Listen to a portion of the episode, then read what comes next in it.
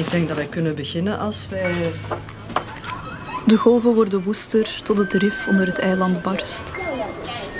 Onze natuur Kan jij jezelf horen, Dominique? Ah ja, Ja. in de stad. een ziekte neemt bezit van de pendelaars. Met Nicky Aarts. Verlamd kunnen ze nog slechts oude beelden van hun gang keer op keer opnieuw bekijken.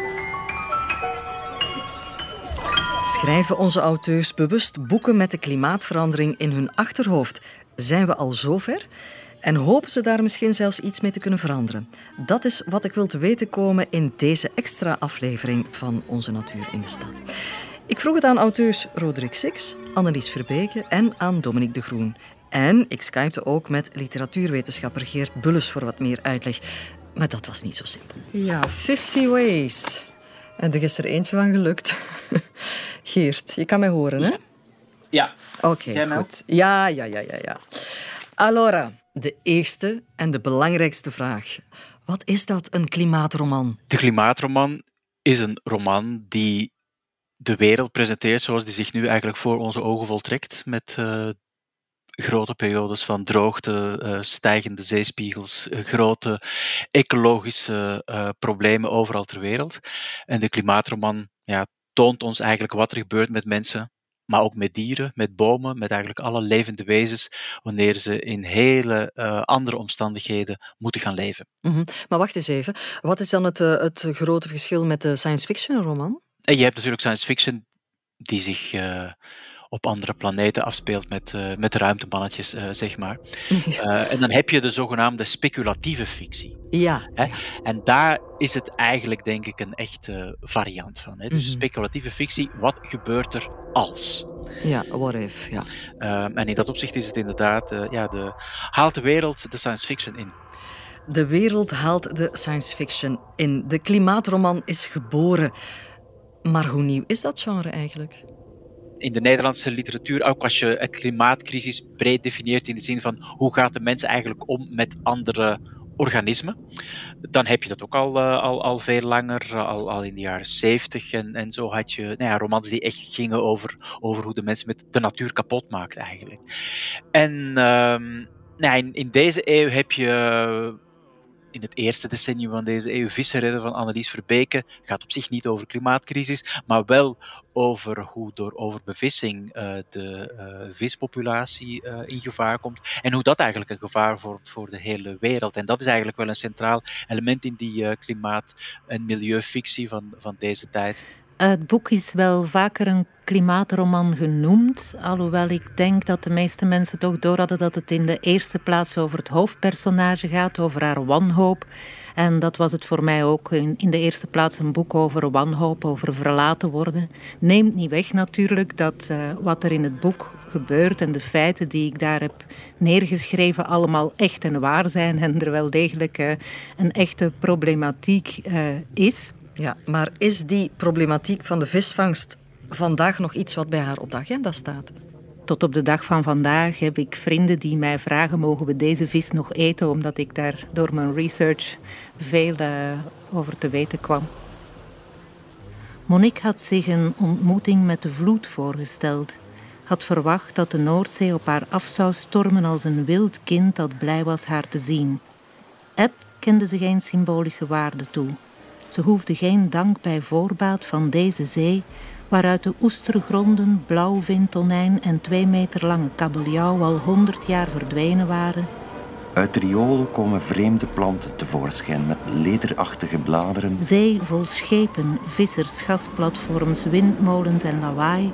De planten bezetten probleemloos rotondes en pleinen.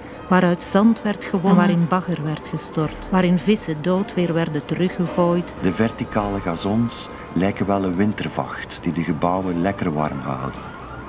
In de namiddag zou je er bijen en vlinders overheen zien scheren. Maar nergens zijn bloemen te bespeuren. Uh, mij leek het vooral interessant om de natuur als een vijandig iets voor te stellen. Um, in Vloed regent het constant. Uh, we hebben vier studenten die op het dak van uh, Torres, de studentenpeda, uh, kamperen, achterblijven in een verlaten stad en toekijken hoe het water van een meer dat dichtbij is al maar stijgt en de stad inneemt. Grijze stofwolken bollen op langs de gevels van de herenhuizen tot de regen het gruis neerslaat.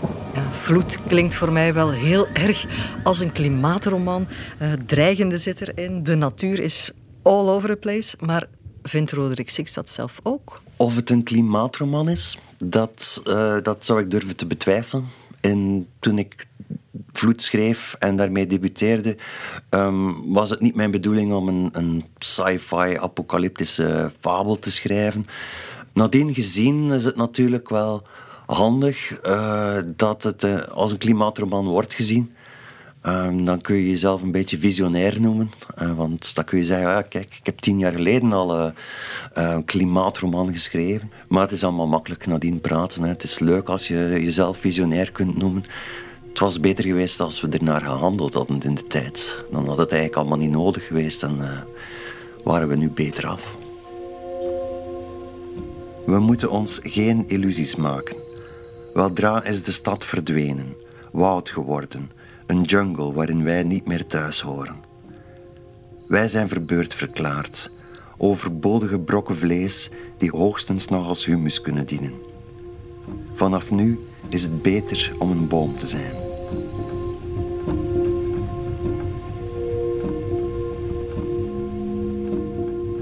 Kunt er eigenlijk niet aan ontsnappen aan de headlines. Uh, de ene nog onheilspellender dan de andere.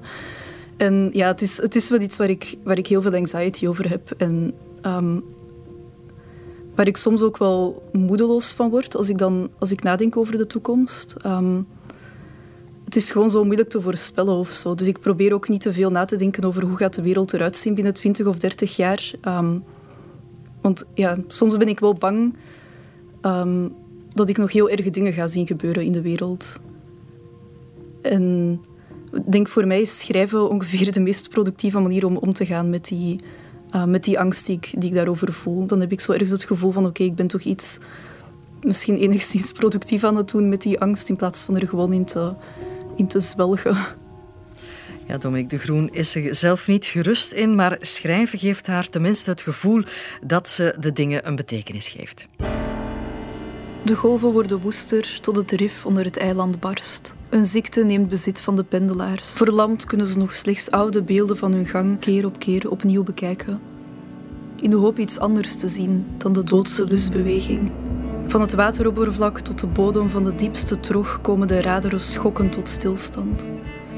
Globale markten sidderen. Globale markten de X, Y en Z-assen van de wereld drijven steeds sneller van elkaar weg. Sneller van elkaar, sneller weg. Van elkaar weg. Mijn lichaam loopt over van gesmolten dieren, wachtend om te stollen en herboren te worden.